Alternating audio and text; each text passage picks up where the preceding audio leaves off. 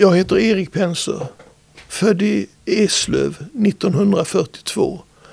Och det är inte riktigt helt korrekt för jag är faktiskt född i Lund. De hade inget BB i Eslöv. Men ehm, eh, och jag hade gärna velat säga att jag var född i Eslöv för det är jag stolt över. Men jag är faktiskt född i Lund. I passet står att jag är född i Lund. I alla fall uppvuxen i Eslöv. Och eh, en traditionell uppfostran, uppväxttid. Jag var nummer tre. Eh, en äldre bror, en äldre syster, så kom jag, familjens svarta får.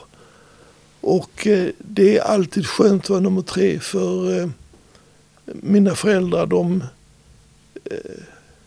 lät mig göra vad som helst. Dörren var öppen. Jag kunde gå ut när jag ville, göra vad jag ville. Det fanns två viktiga saker bara och det var att lunch klockan 12, middag klockan 6. Och det var tider man var tvungen att passa. Om jag kom för sent så blev det dålig stämning, så det gjorde jag aldrig. Eh, folkskola i sex år. Medelmåttiga betyg. Matte var nog det bästa jag hade, var, var eh, betyget jag hade. Sen kom jag in på läroverket i Eslöv. Och där gick jag i tre år innan jag gick över på latinlinjen. Jag var duktig i matematik. Väldigt duktig faktiskt. Jag tror jag hade högsta betyg. Men eh, fysik och kemi var totalt ointressant för mig. Och så jag gick latinlinjen med blandad framgång. I fjärde ring i, på läroverket i Eslöv blev jag faktiskt utkuggad. Jag hade väldigt dåliga betyg. Och varför hade jag dåliga betyg? Jag läste aldrig läxor. Jag tror aldrig jag läst en läxa i hela mitt liv. Jag hade andra intressen. Mitt stora intresse var bio. Jag vet inte om någon har sett filmen Cinema Paradiso. Men det är lite grann min uppväxt. Jag var maskinist på biografen. Eh, och eh, jag lärde mig tidigt att, eh, att sköta, sköta maskinrummet. Och eh, problemet var att maskinisten var ofta lätt berusad. Och då fick jag sköta det hela och det gjorde jag. Och på den ena biografen bar jag ut affischer och på den andra biografen så eh, hade jag och mina syskon hand om chokladförsäljningen för Cloetta. Och eh, eh det innebar att jag gick gratis på båda biograferna. Jag gick på bio varenda kväll. Och på söndagar flera föreställningar. Vilken var din favoritfilm på den tiden? Alltså, det finns två filmer som jag har sett väldigt, väldigt många gånger. Eh, en var eh, Ta i trä med Danny Kaye. Knock on wood. Och den andra var eh, eh Glenn, Glenn Miller Story. Den gick, de gick båda i två veckor i Eslöv. Så det var väldigt länge och då var jag tvungen att se dem många gånger. Men eh, jag förde ju en noggrann bok över vilka filmer jag såg och jag poängsatte dem. Och den eh, boken läste jag i för några år sedan. Och det är ganska intressant att de filmerna som jag gav 25 poäng, det var en skala på 1 till 25. De får inga poäng idag. Och de som fick eh, 0 poäng eller 2 poäng eller 5 poäng, det var riktigt bra filmer. Så smaken ändrade sig lite. Men eh, jag vill väl säga på den tiden tyckte jag det var roligt med äventyrliga filmer. Eh, har intresset för film hängt med dig? Ja, det har det gjort. Det har det faktiskt gjort. Jag är väldigt film och biointresserad. När, när dök intresset för affärer upp? Eh, det dök upp ganska tidigt. Eh, jag gjorde min första aktieaffär när jag var 13 år gammal. Köpte lite aktier i Reimersholm. Inte många, tio stycken tror jag. Och eh, det blev en vinstaffär. Men eh, det pratades aktier hemma. Mamma och pappa var aktieintresserade. Och mamma var spekulativt lagd. Pappa var inte spekulativt lagd. Han var extremt försiktig. Och dessutom hade han bränt, bränt fingrarna ordentligt på Krügerkraschen. Förlorade han sin, sina besparingar. Men mamma köpte, köpte och sålde aktier. Och jag kommer ihåg en gång på, där jag kommer inte ihåg för jag är inte född då, men på 30-talet så hade mamma gått till fondchefen på Handelsbanken som heter Folin och sagt att hon ville köpa tusen aktier i LM Ericsson. Och han hade, hon hade fått rådet, flicka lilla, köp karameller för pengarna. Så hon gjorde det aldrig. Ah, Det var synd, för det hade blivit en bra affär. Men eh, det pratades aktier hemma. Och, och vi hade en eh, familj Berger i Malmö som pappa var väldigt nära. Och eh, pappa och Kurt Berger pratade ofta aktier. Och eh, mina öron var spetsade. Jag lyssnade på allt vad de sa. Eh, så eh, aktieintresset kom tidigt. Och vi- visste du redan då att du ville jobba med aktier också? Nej, det visste jag nog inte. Det visste jag absolut inte. Men eh, jag tog så småningom studenten. Jag blev, förlåt, jag blev utkuggad från läroverket i Eslöv. Kom till Lund, Lunds privata elementarskola. Och där tog jag studenten vid 20 års ålder. Och att jag lyckades ta studenten det berodde lite grann på att eh, jag hade den stora turen att min latinlärare ringde mig kvällen före tentamen och sa till mig Erik, jag vill att du läser på i grammatiken på sidorna 40 och 48. Och jag vill att du läser i poesiboken på sidan 120 och 121. Och det gjorde jag. Och jag hade den stora turen att få frågor på just de sidorna. Så jag klarade latin och det var nödvändigt för mig att jag fick eh, godkänt. Jag fick B-fråga men jag fick godkänt i, i eh, latin också. Jag hade fem B-fråga i mitt student, studentbetyg. Men jag tog studenten. Och så eh, skulle jag då börja läsa i Lund och det fanns två saker jag kunde läsa. Teologi och juridik. Det var de enda som man inte behövde poäng för att läsa. Och då valde jag juridik eftersom pappa var advokat. Och en duktig advokat. övervägde du teologi? Absolut inte. Nej. Så det fanns egentligen bara ett val? Det fanns bara ett val. Ja. Och eh, eh, jag läste juridik i tre år. Och när jag efter tre år inte hade klarat en enda tentamen, då var det lämpligt att jag började arbeta. Och då började jag arbeta på Svenska Handelsbanken i Malmö på deras fondavdelning. Och det tyckte jag var jätteskojigt. Och då, då, då hade jag redan ett uppbyggt aktieintresse. Jag kommer ihåg att jag gjorde, det är inte aktier utan men premieobligationer. Det emitterades premieobligationer varje år och de steg alltid i pris. Så jag åkte runt i hela Skåne på eh, olika bankkontor och postkontor och köpte premieobligationer som jag sen sålde med lite vinst. Så det här med att köpa och sälja och spekulera lite grann, det låg för mig. Det förstod jag tidigt. I alla fall, jag började jobba på Svenska Handelsbanken i Malmö som banktjänsteman och var där i två år. Och det var två väldigt, väldigt lärorika år. Jag lärde mig allt från grunden. Eh, och tyckte det var jätteroligt. Efter två år så kom jag ihåg att jag lämnade min bil, en Saab, för reparation. Och när jag skulle hämta den på eftermiddagen, när jag steg av bil, äh, äh, bussen, så tänkte jag att nej men jag måste ju bli courtagemäklare. Jag kommer ihåg så, så väl, jag, precis när jag steg av bussen så kom den här tanken genom huvudet. Så den kvällen så skrev jag tillsammans med en god vän ett brev till bankiren Kjell Hägglöf på Hägglöfs bankirfirma i Stockholm och frågade om han möjligtvis hade ett jobb för mig. Och eh, jag åkte ner och postade det brevet på centralstationen i Malmö på nattåget. Där hade de en liten lucka. Och eh, åkte hem och sov. Dagen efter var jag på kontoret. Jag var på kontoret alltid tidigt. Jag var alltid först på kontoret. Och då ringer det på telefonen. Och det var Kjell Hägglöf som hade fått det här brevet från mig.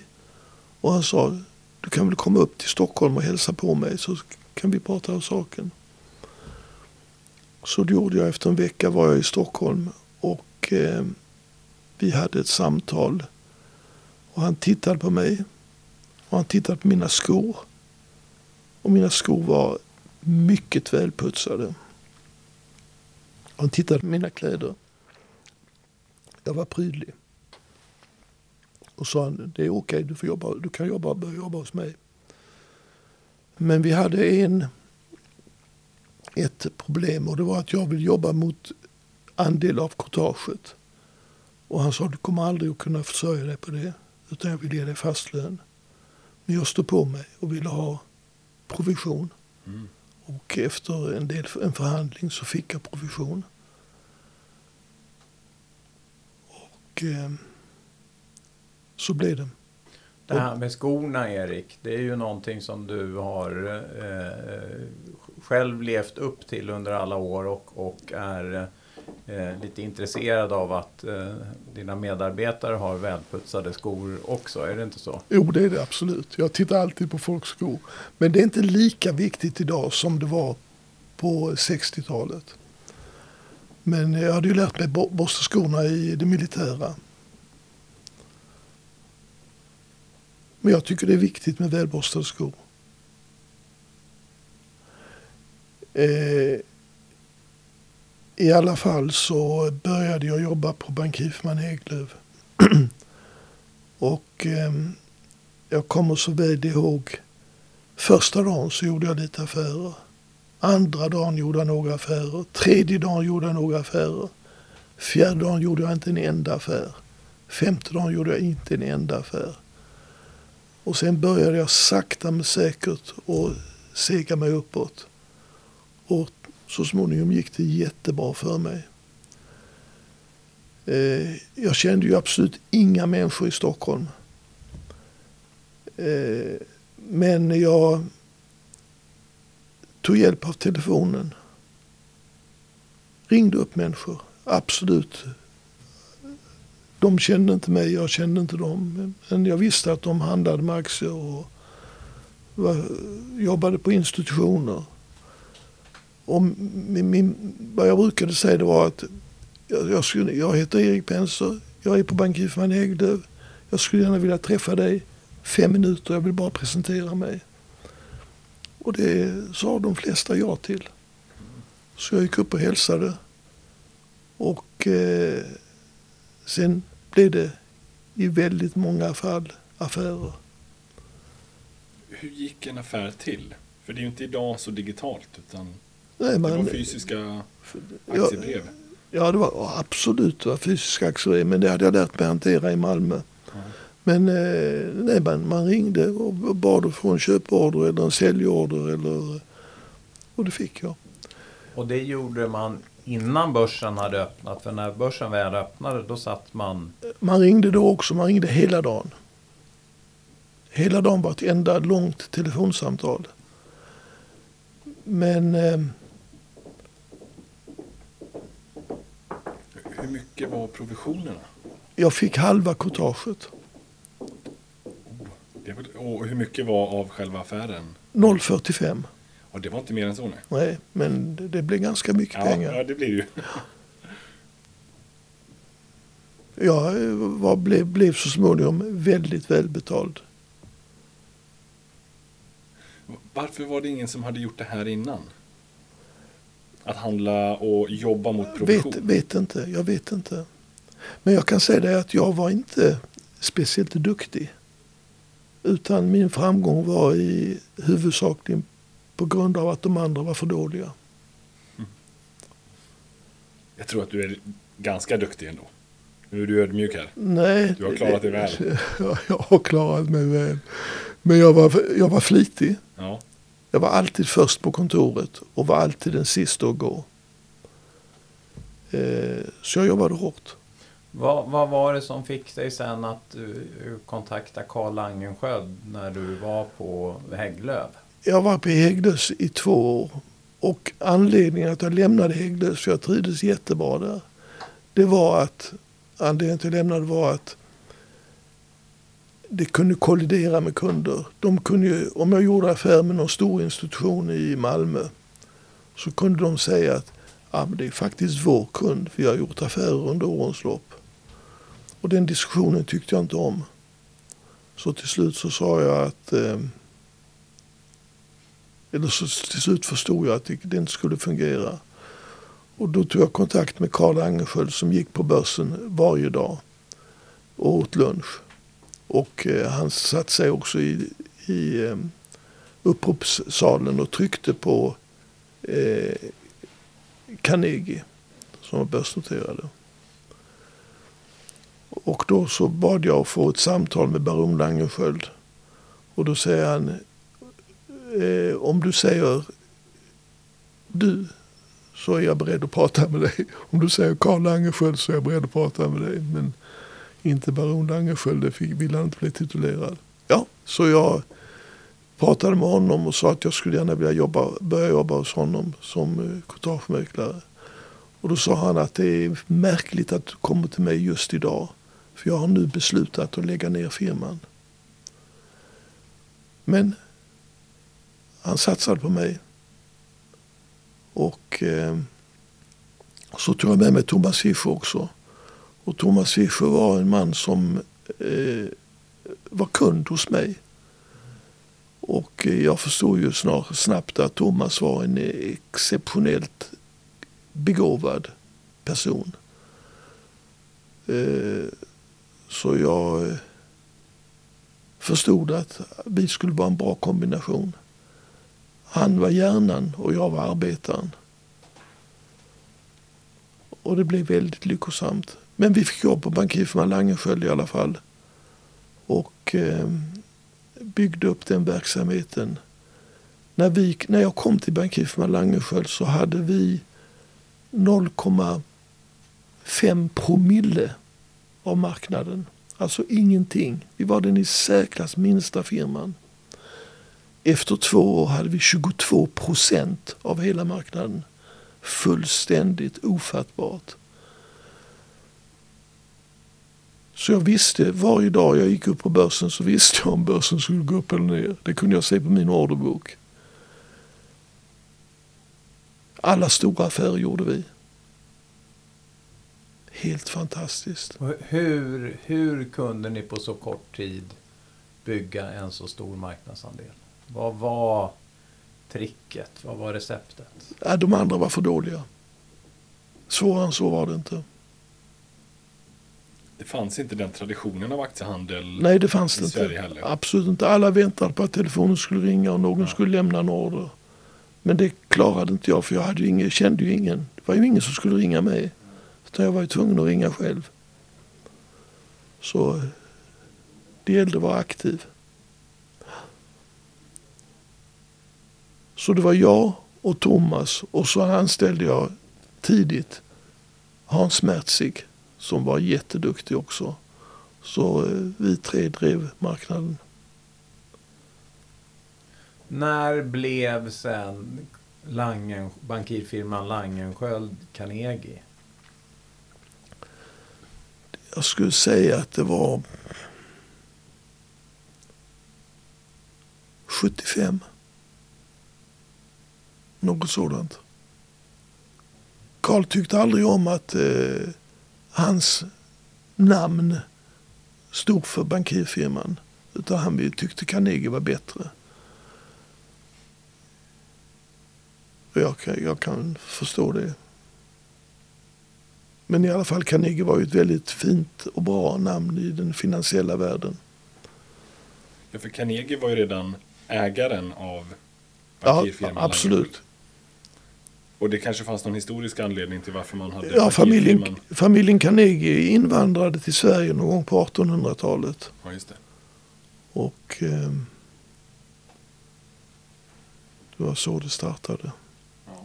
Och kan, b, b, b, b, bankirfirman Langesköld startade ju faktiskt 1932 under Krügerkraschen. Eh, Men eh, gamle Carl Gustav Langesköld han eh, jobbade på Skandinaviska banken. Och eh, han tyckte de gav för mycket krediter till eh, Ivar Kryger. Så han eh, påpekade det. Och eh, de förstod inte vad han sa. Så då slutade han och startade en egen firma istället. Men han förstod vad det handlade om så han var klok. Och under de här åren då, eh, slutet 60-talet eh, fram till kanske mitten av 70-talet, då, hur, ehm, eh, hur identifierade du möjliga affärer? Alltså man, det var ingen, ingen långsiktig planering utan eh, jag läste tidningen på morgonen och så funderade lite grann på att eh, det här kanske är en klok, klok idé. Vi hade ingen analys. Thomas och jag vi eh, jobbade lite grann för dagen. Eh, så vi var inte sofistikerade. Ibland Intuition. köpte vi, förlåt? Intuition, Intuition, mycket intuition. Det hände ibland att vi bad analytiker analysera vissa bolag. Men eh, för det mesta var det intuition. Men eh, man, man lärde sig väldigt mycket av kunderna. Kunderna var, var, var vår bästa informationskälla. Ja, när var de nöjda? När var en kund nöjd att ni hade gjort en affär? Och vad var det som definierade att de blev nöjda? Ja, om de bad oss köpa någonting och vi gjorde det på ett effektivt eh, sätt så, så var de nöjda. Ja, Och då fick vi en ny order nästa dag. ja. För de hade redan själv en idé om vad de ville äga eller sälja. Ja, Så absolut. lät er exekvera. Ja. Så det var kunderna som gjorde analyserna. Vi gjorde utförandet. Men eh, jag kommer ihåg den eh, eh, roligaste ordern jag har fått någon gång. Det var någon gång på 70-talet. Då fick jag en väldigt, väldigt stor köporder i Volvo. Och eh, jag var ganska ensam på köpsidan. Jag köpte allt vad som fanns. Och det, det, det var lampor som lyste på uppropsskärmen. Och eh, till slut så var det så att det fanns en köpare och det var bankirfirman Langenskiöld. Och nästan alla andra var säljare. Nästan alla lampor lyste. Och då tryckte jag på köpknappen.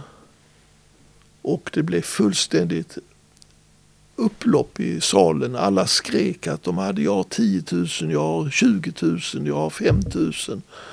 Och det, det, det fanns hur mycket aktier som helst. Och då säger upphovsledaren och Klangenskölds önskar. Och då säger jag, jag tar vad som finns.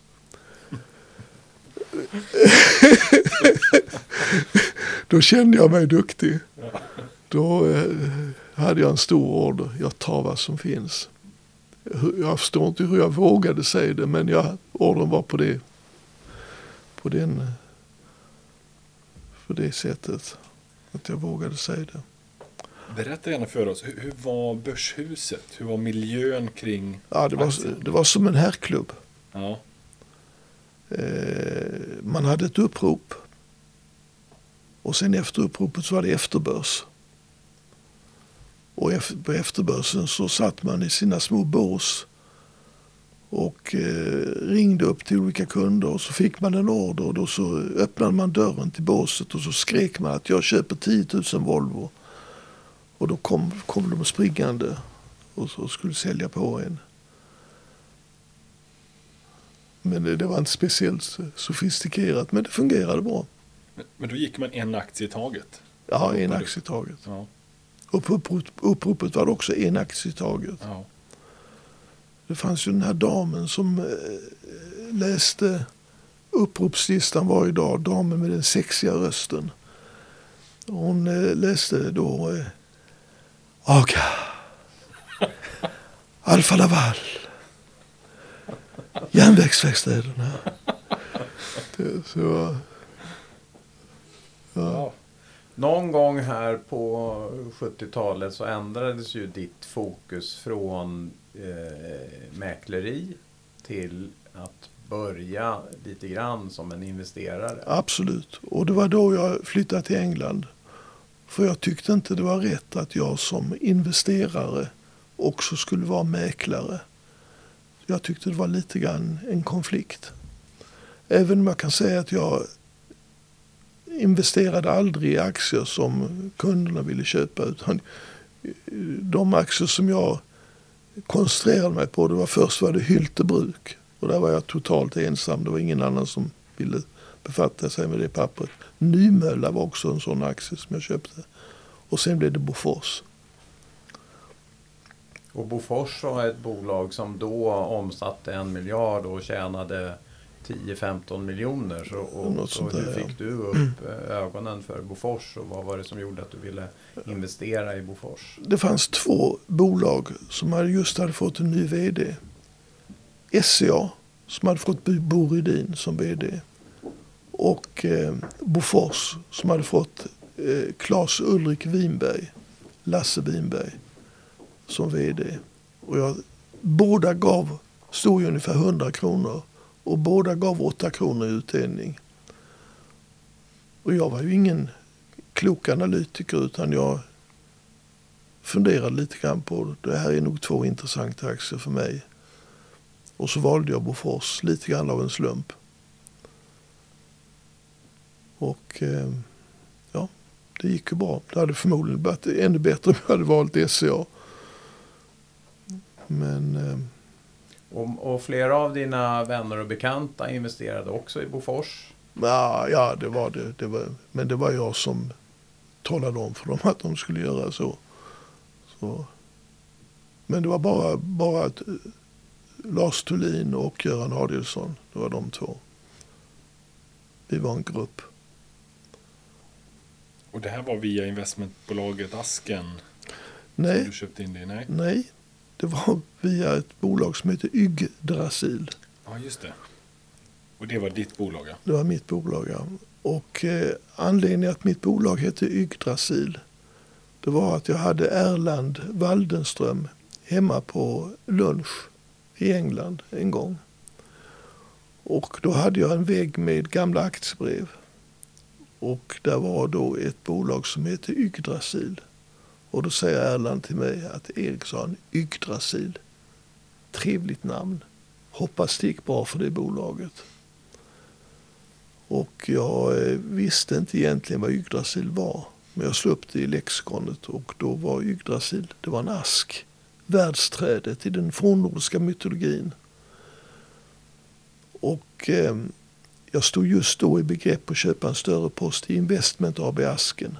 Då tänkte jag att Yggdrasil köper Asken. Det tyckte jag lät klokt. Så jag döpte mitt bolag till, As- till Yggdrasil. Och så köpte jag en stor post i Asken. Och det blev en bra affär också. Och här fanns det något korsägande med Carnegie också. Ja, ja, det var lite korsägande. Asken köpte aktier i Bofors och Carnegie köpte aktier i Asken. Så det blev ett väldigt korsägande. Men Och vilket innebar att du blev ju eh, den största ägaren i Carnegie. ja, Eh, och sedermera sålde Carnegie till PK-banken ja, för 2,7 miljarder. ja, Och det fanns ju de som hade synpunkter på att det där var ju ett alldeles för högt pris och tyckte att eh, substansvärdet i Carnegie var ju bara 800 miljoner. Mm. Men det hade ju du ett väldigt bra svar på. Eh, som, som rörde hur mycket pengar Carnegie tjänade. mm, ja. Nej, men det, de var beredda att betala så mycket och eh, egentligen så fick de det ju väldigt billigt för de betalade med värdelösa aktier. Jag fick aktier i eh, Nordbanken och de blev värdelösa. Mm. Så de fick det ju gratis. Men eh, Men Det, det låter ju det här med Yggdrasil och asken och sen liksom det, det lät ju nästan som en tillfällighet med namnen men det måste ju ha funnits ganska mycket eftertanke, analys, en, en, liksom en plan vart det här skulle ta sig. nej, Det är så pass? Ja. Mycket var slumpen. ja. Men du har ändå alltid haft ett eh, sifferminne. Det hör jag ju på dig. Du refererar till sidor i din latinbok. Och... Så det måste ändå ha funnits en närhet till Nej, men jag, jag, jag, siffror var någonting som jag kunde hantera. Men eh, jag är en rätt obegåvad person. Men hade sinne för affärer. Köpa och sälja, det visste jag man gjorde. Ska vi hoppa fram eh, till eh, 1994? När jag startade Erik Penser, bankirfirman Erik Penser. Så det, det var ju en period då i början på 90-talet, 91 så blev jag av med alla mina tillgångar. Och eh, jag ville ju göra någonting i framtiden också. Jag var 51 var jag 49 år. Förlåt, 91 var jag 49 år. Jag var inte beredd att pensionera mig vid 49 års ålder. Jag hade dessutom inga pengar. Så eh, jag tänkte starta en, en, en fondkommissionärsfirma och det gjorde jag. Och eh, det gick rätt så bra. De första åren var hyggliga. Tänk dig 29 år sedan. Helt otroligt. Då, då fanns det ju en rätt stor verksamhet i, i eh, mäkleri, inom mäkleri som gick ut på vad man kallade broker-broker-affärer där svenska Ja. mäklare hjälpte engelska mäklare och det blev ju Ja. väldigt stort för Erik Penser Fondkommission. Absolut, det blev stort. Men det var ju en marknad som dog ut så småningom. Mäkleriet ändrades ju radikalt.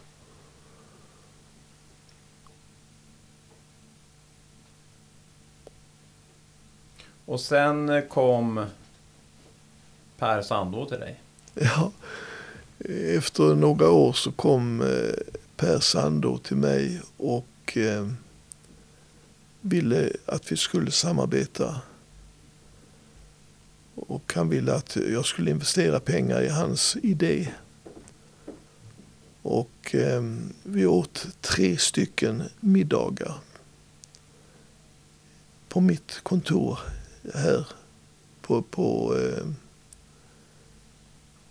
på det var på eh, Biblioteksgatan. Och trivdes bra tillsammans. Jag förstod ju efter första gången att Per Sander var en extremt klok och begåvad person. Så det var inte svårt att charmas av honom.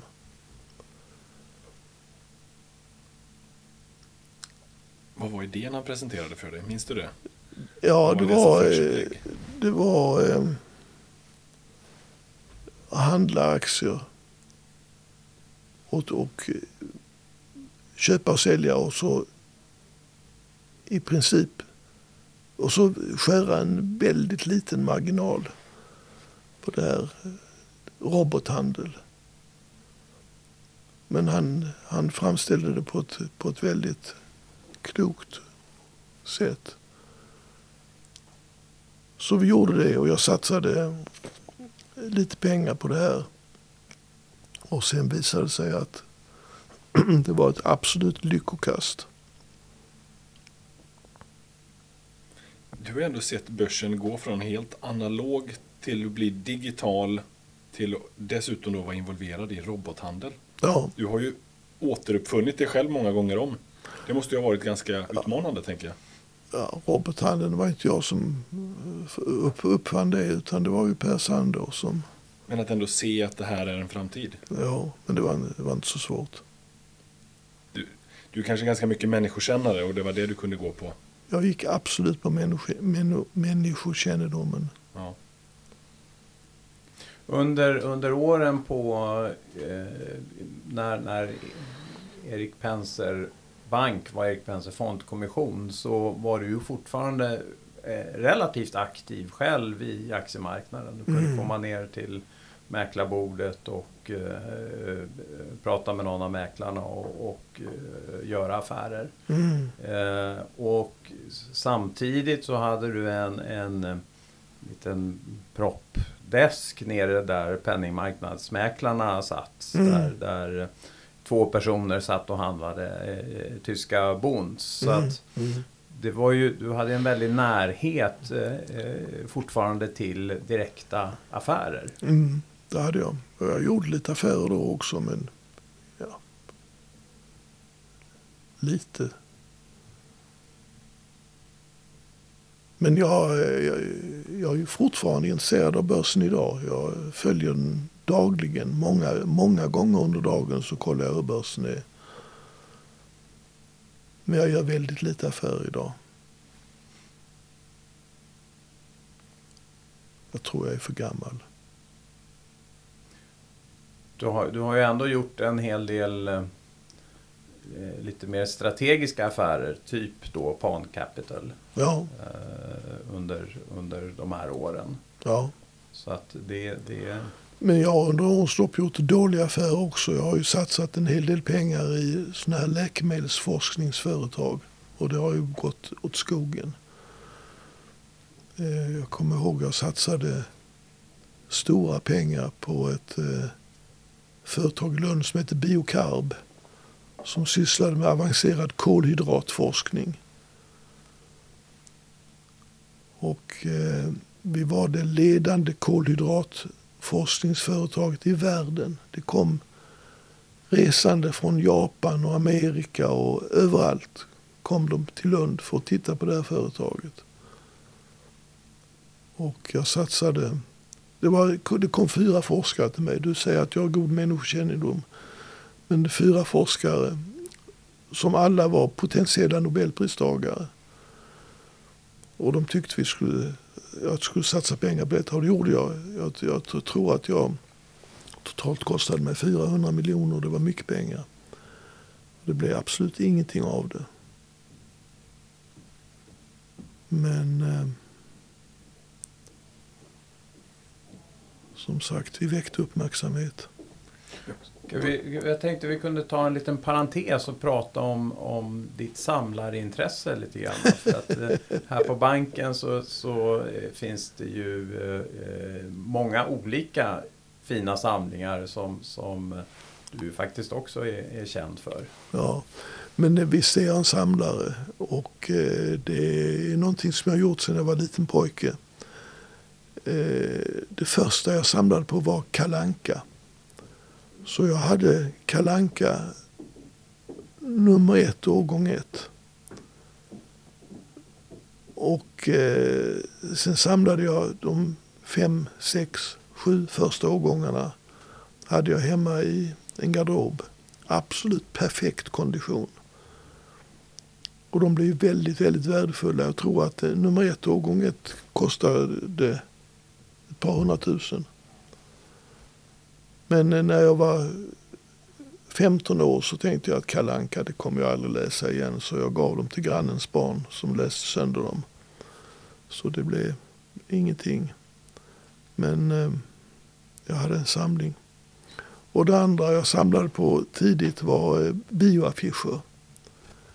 Och eh, eftersom jag bar ut affischer för eh, en av biograferna i Eslöv så la jag alltid undan ett par affischer.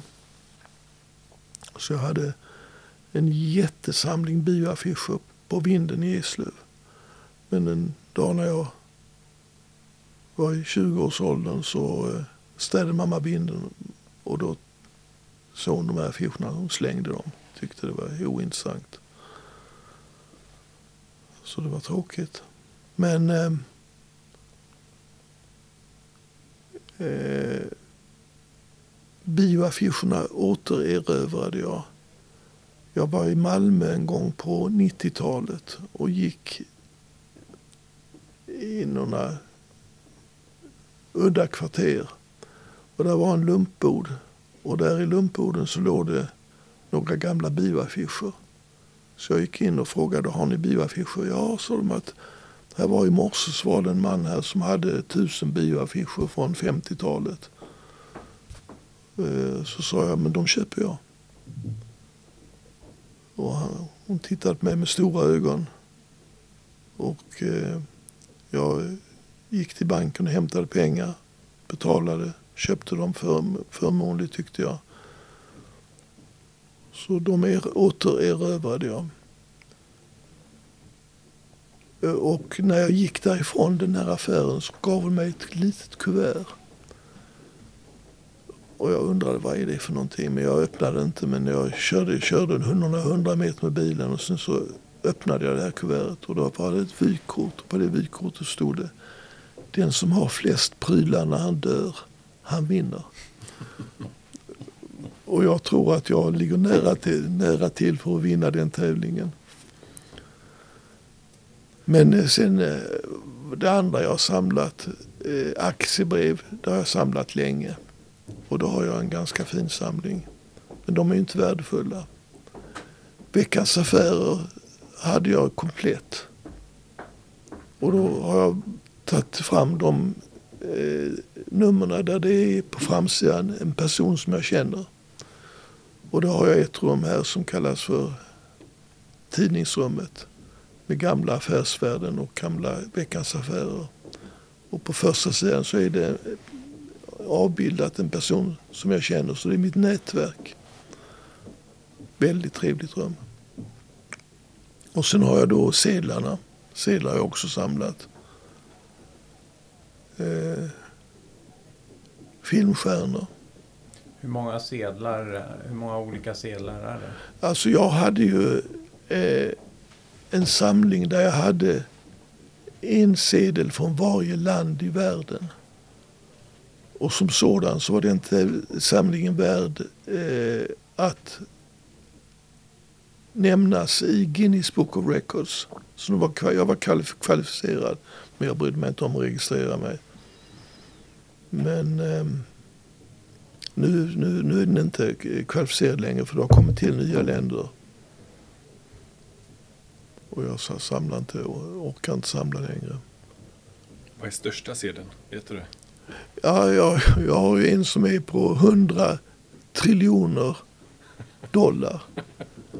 100 trillion dollars. Från Zimbabwe. Just det. Ja. Det är det största. Det, det var under brinnande hyperinflation där. Absolut. Ja. Mm. Men Erik, en, en fråga som jag är väldigt nyfiken på. Det är, hur känns det att ha en bank som har ditt namn på sig? ja, jag har varit ganska stolt över det under årens lopp. Tycker det är trevligt. Ja. Det är ju också lite av en dröm att kunna få åstadkomma någonting sånt. Tänker ja, jag, som samlare och investerare. Att ja. kunna få... Men alltså, du får komma ihåg att jag är ju en misslyckad person. Jag byggde upp någonting som var ganska fantastiskt. Nobelindustrier. Som jag blev av med 1991 putsväck. Och det har jag aldrig kommit i närheten av att bygga upp igen. Det hade varit ett fantastiskt företag idag. Och det var ett fantastiskt företag på den tiden också. Men eh, Nordbanken tog över det, sålde det och gjorde en vinst på 5 miljarder på min pant. Jag tror att de pengarna var mina. Så jag stämde ju Nordbanken också.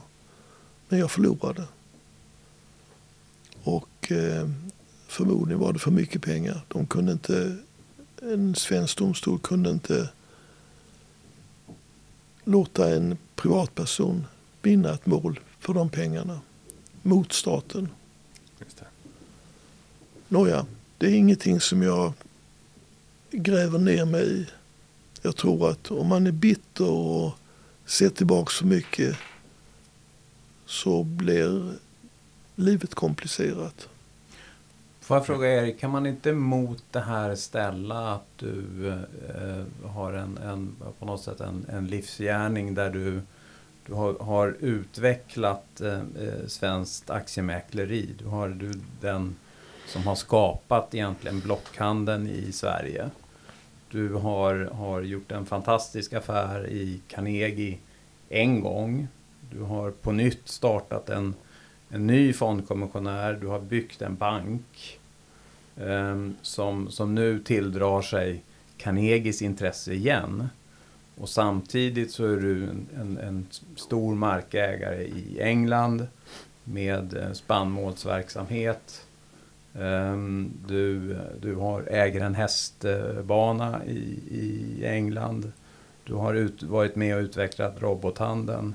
Så det är ju på något sätt en, en eh, väldigt omfattande livsgärning. Mm. Och ändå om man jämför det med eh, värdet av Nobelindustrier så är det ju ingenting. Men jag ska inte klaga. Jag har överlevt. Men jag tänker det är en del av det naturliga när man gör affärer. Man kommer göra både bra och dåliga. Absolut, du har helt rätt. Och jag tänker Nobelpristagarna Kahneman och Tversky. De kom fram till att det gör dubbelt så ont att förlora pengar som det är skönt att tjäna. Tror du att det ligger någonting i det? Ja, det tror jag. Ja. Absolut är det så. Men man måste hantera en förlust, blicka framåt, ta sig an nästa projekt. Jag tänker ofta på min gamle far som var väldigt, väldigt klok. När han äh, var 90 år gammal så tog jag honom på en biltur i Skåne. Och vi åkte till äh, ställen som han var, hade varit knuten till som ung pojke. Och då kom vi en varm sommardag till eh, Sankt Petriskolan i Malmö där han hade gått som 12, 13, 14-åring. Och vi sätter oss på en parkbänk där och tittar på, tittar på skolan. Och då säger jag till Wilhelm att när du nu sitter här och tittar, blir du inte lite nostalgisk då? Och då tittar han på mig och säger, Erik, kom ihåg en sak. Man ska titta framåt, aldrig bakåt. 90 år gammal. Det är ganska klokt. Mm. Väldigt klokt. Och om vi blickar framåt nu. Nu köper ju Carnegie Penser Bank. Ja. Hur känns det? Alltså det finns ju bara en köpare som jag kan, kunde tänka mig och det var Carnegie. Mm. Nu, nu sluter sig cirkeln lite på nytt. Lite grann. Men Carnegie är ett jättefint företag. Jag har varit med och startade själv. Och vad, är, vad är din tanke här framåt nu då? Vad kommer att vara vad, vad är synergierna och fördelarna med att slå ihop de här två ganska framstående investmentbankerna? Ja, men det, storleken är ju viktig. Är, man kan inte vara för liten i den här branschen. Vi var förmodligen lite för små. Mm. Så det blir bättre med en större grupp. Det var någon som, som berättade att när du eh, kom upp på Carnegie direkt efter affären så, så stod hela personalen där och, och eh, applåderade. Eh, det måste ju ha varit en fantastisk känsla. Ja. Ja. Alla är snälla. Och, och mm, man kopplar till det. Jag tror att någon gång så har du, du sagt att eh, aktiemarknaden är grym och tuff. Mm. Um, och, och, då undrar jag lite grann hur, hur har du lyckats att med på Erik Penser Fondkommission och Erik Penser Bank um, entusiasmera till en, en, ett, affär, ett, ett professionellt affärsmannaskap hos personalen men samtidigt nå den här familje eh, familjära stämningen mm. i en, en sån miljö. Mm. Men det är någonting som jag har eftersträvat. Och då har man kanske klarat det. Men jag har velat att vi skulle vara en stor familj. Jag vill att det ska vara trevligt att gå till kontoret.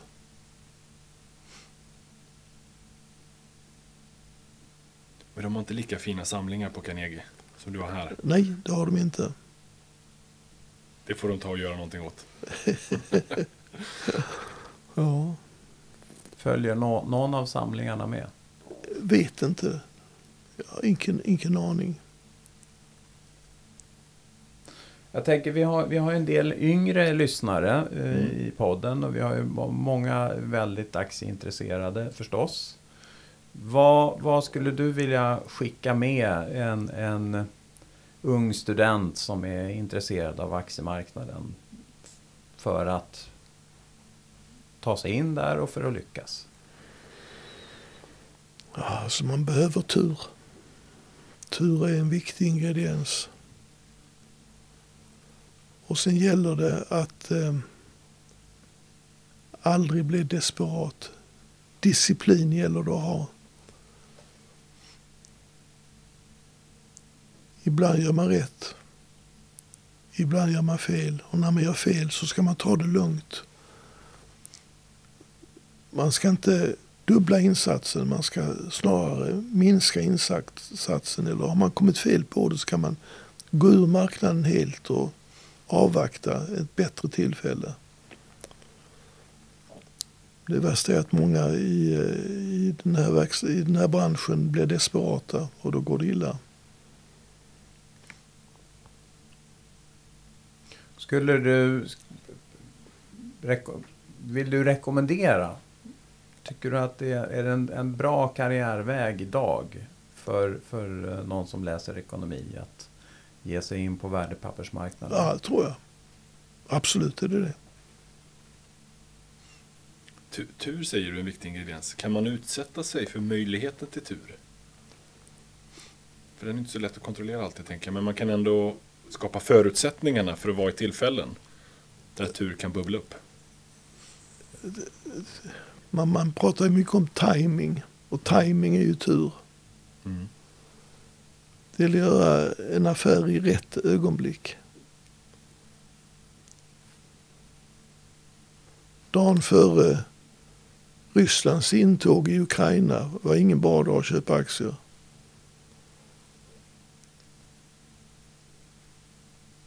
Det händer ju saker och ting som man inte kan förutse Mm. och då är det otur Ja. eller fel timing. Vad, vad letar du när du letar? För du är en människokännare. Du säger att det, analysen är inte alltid den viktigaste utan det, du har gått mycket på människorna. Absolut. Vad har varit för karaktärsdrag du har letat hos dina affärskompanjoner? Nej, den kan inte, de, de kan jag inte tala om vad de är. Utan det är någonting som man känner. Ja. Och det finns inte en egenskap heller kanske utan det är Nej. kombinationen av Ja, absolut. Men, men att även de har haft en disciplin och haft... Eh, Disciplin är en väldigt, Ja. väldigt viktig egenskap. Eh, jag, jag, jag tror att det är viktigt för mig har varit att jag har varit trots allt rätt skötsam. När jag var 17 år gammal så blev jag utkuggad från läroverket i Eslöv som jag berättade. Och efter två veckor så eh, sa mina nya skolkamrater, du Erik på eh, lördag ska vi åka till Köpenhamn, vill du hänga med? Ja, sa det gör jag gärna. Så jag åkte till Köpenhamn med dem och blev så fruktansvärt berusad. Så eh, jag blev nästan alkoholförgiftad. Sen den dagen drack jag inte en droppe alkohol på 35 år. Jag tror det var en viktig bit av min karriär. mm. Aldrig prasslat med andra kvinnor. Tror också var klokt av mig. Men jag hade turen att gifta mig med en, en fantastisk kvinna. Så eh, Självdisciplin. självdisciplin. Mm. Ja, det är bra. Har, har du några svaga egenskaper? Ja, det har jag säkert. Men det är en del av att vara människa. Ja. Summan av lasterna är ju konstant. Är det inte det man säger? Ja. Erik, hur, hur, eh, hur mycket tid spenderar du i England idag? Det är hemma för dig, tänker jag. Absolut det är det. Ja. Jag har ju bott i England i 47 år. Ja. Berätta gärna lite om gården och det är spannmålstillverkning eller produktion. Och... Ja, alltså jag är, är ju egentligen inte bonde men eh, i hundraårscykler så har mark alltid varit den bästa investeringen. Mm. Och det finns inget som är trevligare än att promenera på sina egna marker. Mm. Det är en fantastisk känsla. Är det lite samma känsla som att ha sin egen bank? Ja, det kan man säga. Absolut är det det. Mm. Och, och hästintresset då? Kan du inte berätta lite om, om, eh, om det? Vad, vad, vad är det som är, vad är grejen? Är det hästarna eller är det att kunna spela på hästar? Ja, det, det började med det när jag gick på Jägersro första gången 1955. Så är det ingen tvekan om att jag trodde att spela på hästar var ett snabbt sätt att bli välbärgad. Men jag hade fel. Det var inget, inget snabbt sätt att bli välbärgad utan det var, det var, var dyrt. Det kostade mig min frimärkssamling och lite annat. Men eh, intresset har jag behållit och det har jag haft stor glädje av. Och där är ju samma sak där att när det gäller att spela på hästar så gäller det att ha disciplin. Och jag har bokfört alla mina vad sedan 1969. Och jag har förlorat, men inte mycket. Hur många var det, om man får fråga? Ja, det är väldigt många vad. väldigt många vad. Spelar du fortfarande? Ja, lite grann, men mindre och mindre. Men om vi pratar om spel så jag har spelat schack. Och var halvduktig på schack som ung, ung skolpojke. Och sen har jag faktiskt varit preses i Sveriges schackakademi. Jag är fortfarande vicepreses. Och om jag ska bikta mig ordentligt här så är jag faktiskt väldigt, väldigt intresserad av, jag ska berätta då att jag tycker om att åka till Las Vegas. För när jag åker till Las Vegas så märker jag att det finns faktiskt rätt mycket folk som är dummare än vad jag är.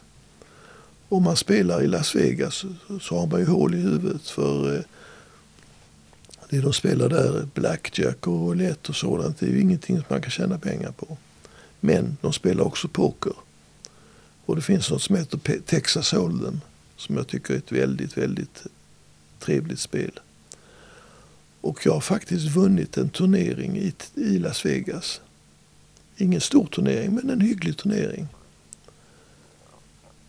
Och poker är ett skicklighetsspel.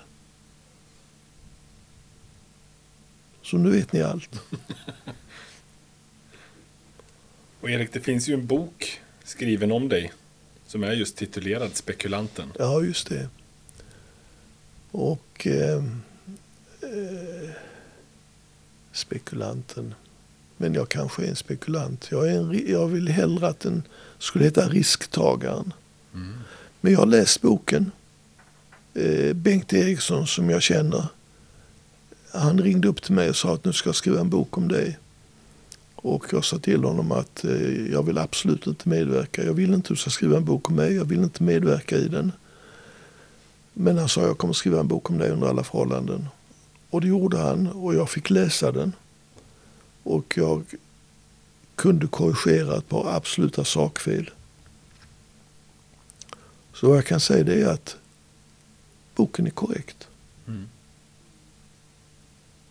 Med undantag då för tituleringen. Ja, Eller ett, det var ett önskemål kanske. ja. Men det var... eh, Men du sa att din mor, hon var ju ändå Hon var, Aktiespekulant. hon var, hon var aktiespekulant. Men eh, när jag eh, processade mot Nordbanken så eh, när jag var uppe i eh, tingsrätten så skulle Bertil Södermark, Nordbankens advokat, han skulle presentera mig. Så sa han att Penser, han är en spelare ifrån Eslöv som haft tur.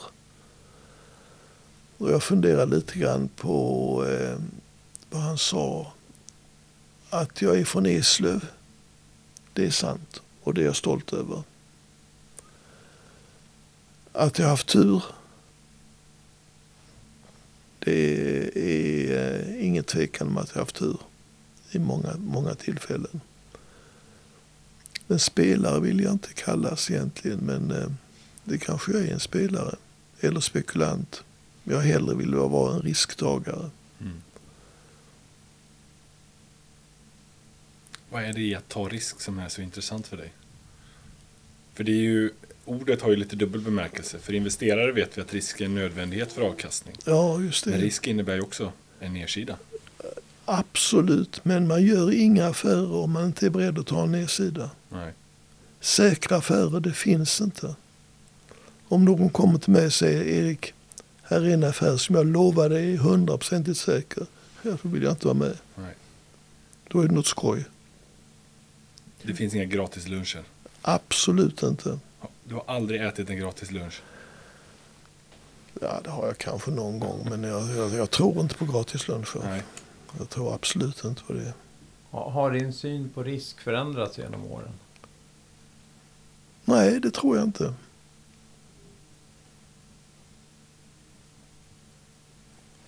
Det tror jag inte. Upp, upplever du att marknaden, eh, risken i marknaden har förändrats? Nej, För du har ju sett den i många olika skeden. ja, nej alltså, det är samma sak nu som det var för 50 år sedan. Det är fortfarande människor och människor har känslor. Även om det är robotar så är de programmerade av människor. Absolut. Och AI. Ja. ja. Vad är dina tankar om artificiell intelligens? Ja, det är lite grann över mitt förstånd. Men eh, det visar ju att man inte kan lita på någon. Nej. När man läser tidningen så vet man inte om det är sant. Men det visste man ju inte innan heller. Nej.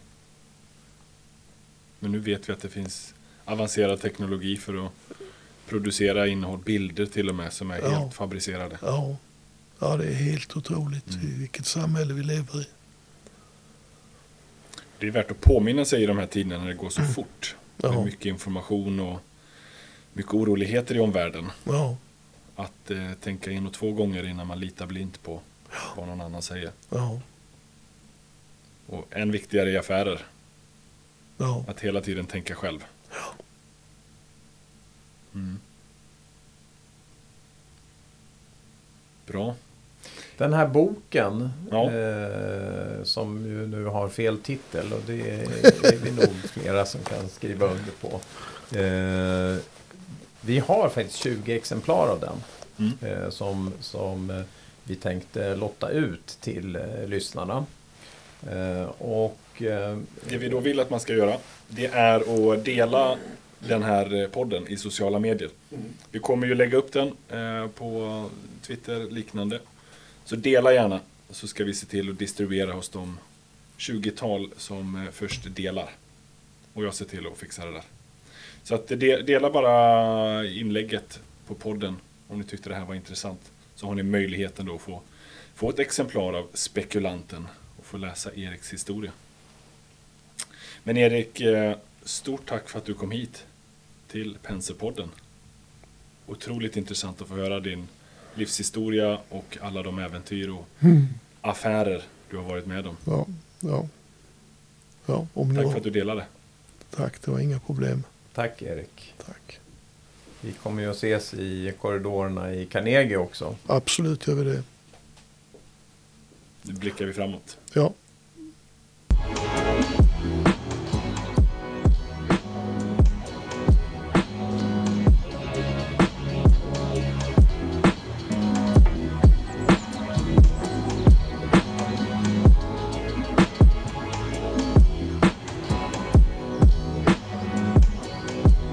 Denna podcast är utgiven av Erik Penser Bank och är avsedd att marknadsföra bankens tjänster. Vissa bolag som nämns kan därmed ha något samarbete med banken i form av fondförvaltning, analystjänster, certified advisor-uppdrag med mera. För information om dessa tjänster, fondförvaltning och även bankens hantering av eventuella intressekonflikter vänligen se bankens hemsida www.penser.se. Vänligen notera att investeringar i finansiella instrument, inklusive fonder, är förknippade med en risk. Historisk avkastning är ingen garanti för framtida avkastning. Det är pengar som placerats i finansiella instrument kan både öka och minska i värde och det är inte säkert att du får tillbaka hela det insatta beloppet. Ingen del av Penserpodden ska uppfattas som investeringsrekommendationer. Informationen är heller inte att betrakta som investeringsrådgivning då den inte tar hänsyn till mottagarens specifika investeringsmål, ekonomisk situation eller kunskap. De uppfattningar som redogjorts för i podden återspeglar de medverkandes uppfattning för tillfället och kan därmed ändras. Externa gäster i Penserpodden framför sina egna åsikter och som kan avvika från bankens uppfattning. Banken frånsäger sig därmed allt ansvar för investeringsbeslut och för direkt eller indirekt förlust eller skada som grundar sig på mottagarens användande av informationen i podcasten.